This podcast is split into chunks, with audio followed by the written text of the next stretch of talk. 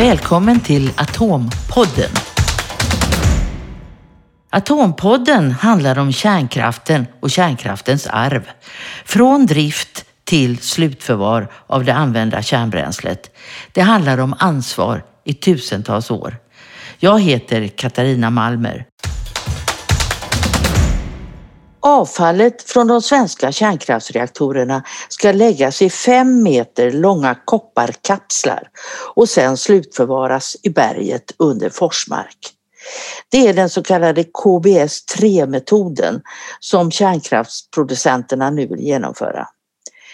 Kopparkapselns hållbarhet har varit omtvistad i 40 år och kritikerna har ännu inte tystnat. Numera bortgångne forskaren docent Gunnar Hultqvist på KTH i Stockholm visade tidigt hur koppar rostar och oberoende forskare på Studsvik såg detsamma.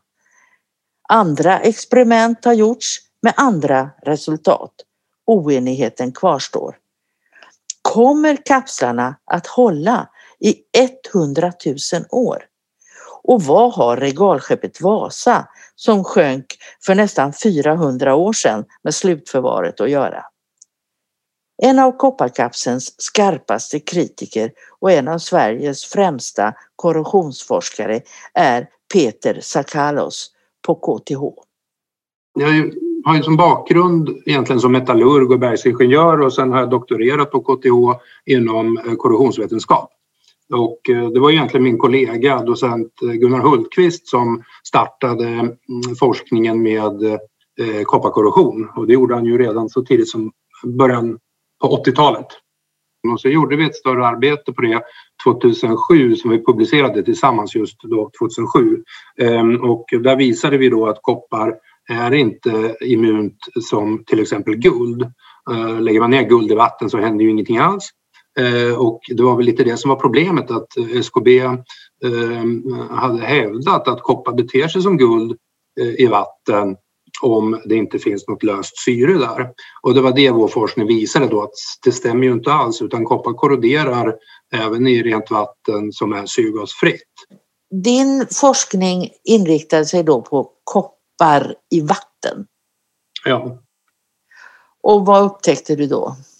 Jo, då visade det sig att eh, koppar faktiskt reagerar direkt med vattenmolekyler. Eh, förut så trodde man att eh, koppar egentligen bara reagerar med den lösta syrgasen som finns i vatten. Jag menar, det finns ju alltid löst luft i, i vatten, annars skulle till exempel fiskarna inte överleva i vattnet. Så man trodde att det var det lösta syret som angrep kopparn endast. Medan då Gunnar och jag visade i noggranna studier även med isotopmärkta syreatomer och isotopmärkt vatten så kan man verkligen se att nej, det stämmer inte alls. Koppar reagerar faktiskt väldigt gärna med vattenmolekylen och till och med eh, reagerar faktiskt hellre med vattenmolekyler än med, eh, med syrgasen i sig. Så det var, det var ju faktiskt en, en nyhet. Men visst, reaktionen är mycket långsam så att det är inget stort problem för våra vanliga vattenledningsrör och, och så vidare som vi har i samhället. Eh, men eh, problemet är väl snarast att eh, ja, dels kan det ju då i sig vara ett problem om vi tänker 100 000 år eftersom det är en oerhört lång tidsrymd, nästan ogreppbart långt. Eh, men på, vad ska vi säga, den vidare problematiken är ju då att även om koppar reagerar lite grann med vattenmolekyler så, så det stora innebörden av det, det är nämligen att det, det möjliggör massa andra farliga och snabba korrosionsprocesser som till exempel spänningskorrosion. Och spänningskorrosion blir ju ett direkt problem eh, i slutförvaret för det betyder att det blir sprickor i kopparkapseln så det är liksom en korrosionsprocess som skapar sprickor i kopparn. Och det där möjliggörs av att koppar faktiskt reagerar med vattenmolekylen också. Så att det har stora implikationer. Men vad är, vad är spänningskorrosion då specifikt?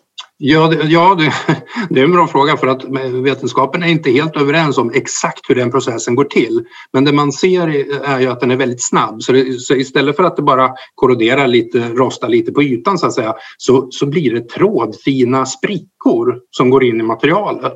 Och det där kan gå rätt så fort och det där typiskt eh, blir ju då, eh, och det heter ju också spänningskorrosion, så det behövs att det ligger på en liten spänning i materialet, alltså någon typ av last. Och det gör det ju i de här kopparkapslarna, eh, gärna då kring svetsfogarna och det är ju höga tryck där nere så att det blir spänningar i kopparkapseln. Och då, och då riskerar man alltså att få sådana här trådsmala sprickor och det betyder ju att då tar det ju Eh, ja, då kan man tänka sig att de första kapslarna går sönder kanske redan efter hundra år eftersom den här olegerade kopparn är ju känslig för spänningskorrosion. Ehm, och det är väl lite där vi har försökt vara pedagogiska och säga då till SKB att eh, ja, det är inte så bra att använda olegerad koppar eftersom den är känslig för bland annat spänningskorrosion. Eh, och då skulle man, jag menar, vi har ju försökt föreslå bättre lösningar, det vill säga man kan använda legerad koppar. Det hade ju varit den enklaste förbättringen Ehm, eh, att legera koppar då med till exempel lite tenn och då får man ju brons. Och eh, vi kan ju bara titta på alla arkeologiska fynd så ser man ju att brons är ju ett fantastiskt bra material även i eh, grundvatten och havsvatten och syrgasfritt vatten. Men ehm, och det är väl det som är lite tragiskt att det, man har inte lyssnat på de eh, varningarna ända sedan Hultqvist på 80-talet, vilket är lite märkligt. Men vad, vad tror du det beror på att de inte lyssnar på de här varningarna? Ja, det är nog en, det är en komplicerad eh, situation. Jag, jag, jag tror nog att eh, det finns en hel del prestige i det här och eh, har man då mm, lovat att den här kapseln garanterat fungerar vilket man var i princip tvungna att göra för det var väl under Fälldinregeringen där man bestämde med den här lag, villkorslagen att om inte industrin kan visa att det finns en bra slutförvarsmetod då måste vi stänga kärnkraften genast. Och det är klart att det är ju ingen bra politik och, och eh, liksom pressa eh, Sveriges eh, energibolag på det sättet. Det var ju ganska dålig lag faktiskt. Eh, och då, då tog man hastigt fram kopparkapseln Eh, men sen har man ju blivit lite klokare med åren så villkorslagen togs ju bort som tur var för att det, det var ju, jag skulle säga att det var en lite farlig lag att ha en sån, en sånt eh, vad ska vi säga, utpressningslag. De har alltså fortfarande ansvaret för att ta fram en lösning på det här. Det ligger fortfarande, även om det inte är villkorat till eh, direkt eh, driften av kärnkraften, så är det, så är det deras ansvar att ta fram en lösning. Ja, men så är det ju. Så är det ju. Ja. Och eh, de vill ju då oavsett hur mycket dåliga forskningsresultat som kommer fram år efter år. Men de sista 20 åren så har det bara kommit så att säga dåliga resultat, det vill säga koppar. Eh, det är många grupper som har studerat det hela och, och, och det ser ju egentligen bara mer och mer sämre ut med var tiden går, var tiden lider för att det är fler och fler rapporter som ser problem. Men man har ju då hårdnackat hävdat att det är liksom, ja, mer eller mindre fel på all annan forskning och deras egen forskning är bäst, eh, vilket tyvärr inte stämmer. Då. Men nu gör de ju ändå sådana här så kallade LOT-försök, sådana här långtids eh, eh i, ner i marken med eh, kopparrören och sånt. Är inte det en bra... Eh, kan man inte med det visa någonting hur det fungerar? Jo, då, vi, har, vi har ju fått tittat en del. Jag har ju varit med med professor Kristoffer Legroff. jag har ju varit med och granskat det här hos Strålsäkerhetsmyndigheten och vi skrev en kritisk rapport eh, för att eh, det visar ju tyvärr ganska tydligt att det korroderar ju en hel del och det var ju då bara ska vi säga bara 20 år, man får tänka 20 år jämfört med 100 000 år. Och det såg ju ganska risigt ut får man minst sagt säga efter 20 år. Men själva mm, detaljerade SKB-rapporten visade ju då aldrig på några ska vi säga, eh, detaljstudier av de områden som var kraftigt korroderade. Så det var ju en, en dålig rapport helt enkelt. Kan man inte lita på de här LOT-försöken då? Jo, försöken är i sig bra, men däremot så skulle ju då man be behöva titta på alla delarna i LOT-försöket. Om man bara tittar på de delar som ser ganska fina ut, det blir ju ingen vettig rapport utan man ser ju då på översiktsbilderna att de har inte behagat studera de mest angripande delarna, till exempel en bottenplatta som är gjord i koppar. Då. Och den låg ju längst ner i försöket så den var ju verkligen utsatt för eh, syrgasfritt grundvatten och den är ju allvarligt angripen. Sen är det ju innanför där är ju då en gjutjärnsinsats. Eh, håller den? Ja, det, det, är intressant. Jag, jag har inte studerat gjutjärnet men, men det är roligt generellt att så, experter som då tittar på gjutjärn de är väldigt oroliga. De tycker att oj, oj, oj, ja det där gjutjärnet kommer nog inte att hålla speciellt bra. Och så pratar man och så tittar man på andra experter som tittar på leran. De, eh, oj, oj, ja men det här med leran verkar inte fungera. Det kommer torka ut och spricka så vi är oroliga över leran. Så att alla experter på sitt eget område så kan du gå till geologerna. Ja, då är de oroliga över bergspänningar och att det är feldesignat ur, ur, ur, ur bergsperspektiv. Ehm, så att liksom, det, det är ju lite fascinerande att alla experter på sitt eget område är oroliga för sin del. Och då kan man väl säga i och för sig att kopparkapseln är väl trots allt huvud ehm, som man kallar det för. Så kopparkapseln är ju trots allt viktigast utav alla barriärer. Men eh, vad, hur tycker du man ska gå vidare nu då? Ja, alltså om, om, man får tänka fritt så skulle man ju helst vilja bränna ner avfallet. Det vill säga eh, att, att det är farligt i hundratusen år är ju ett besvär som är svårövergripbart. Men det är bara att tänka efter, för 50 000 år sedan då, då sprang ju neandertalarna omkring i Centraleuropa så att det här är ju en ofattbart lång tid. Och titta på våra mänskliga konstruktioner som vi har gjort, då, metalliska konstruktioner. Ja, det är ju för sig intressant. Då hittar vi ju bronsföremål som är kanske 5000 år gamla idag och fortfarande väldigt fina om de har råkat fått rätt tennhalt i sig. Så att jag menar, det är lite det jag spelar på här att ska man göra någonting som fungerar någorlunda så skulle det ju vara då Eh, kanske brons eller några andra, men inte olegerad koppar för de är ju alltid angripna. Men 5000 år är ju fortfarande väldigt kort tid mot, mot, mot 100 000 så att säkraste för oss alla vore att hålla kontroll på avfallet i 50 eller 100 år till. Det är min bestämda ståndpunkt. Eh, men om man nu tvingar fram en snabb lösning så ja, då ska man åtminstone använda brons. Eh, då, jag tror kanske inte brons håller i 100 000 år heller men, men då blir det ju någonting som kan fungera tillräckligt bra för att egentligen är det väl så att avfallet är ju väldigt, väldigt farligt de första 300 åren. Och eh, olegerad koppar kommer ju inte ens att klara 300 år. Det är väl där skon klämmer som jag ser det. Då. Så skulle man byta till brons så, så får man någonting som, som åtminstone kan fungera, kan fungera hyfsat.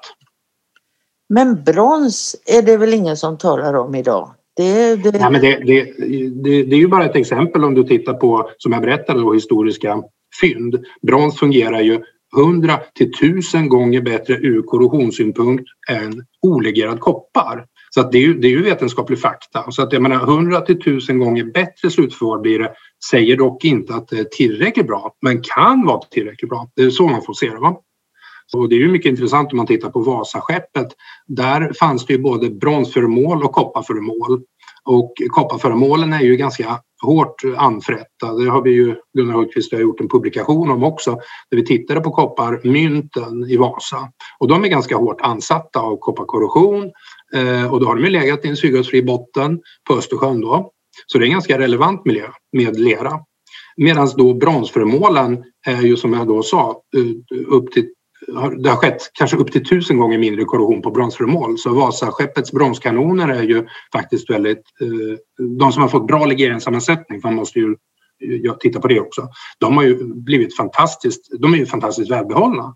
Ett annat problem är väl då att Strålsäkerhetsmyndigheten är så nonchalant. Jag menar egentligen så kan man ju tänka så. SKB är ju ett privat aktiebolag. De vill ju göra minsta motståndets princip eller billigaste möjliga lösning kan man ju tänka. Va? Och det, det, är väl rimligt för ett aktiebolag att tänka så. Eh, men då måste ju den svenska kontrollmyndigheten vara funktionell och sätta krav på SKB. Och det har ju myndigheten helt misslyckats med. Man har ju varit helt lam och bara så att säga följt med SKB hela tiden.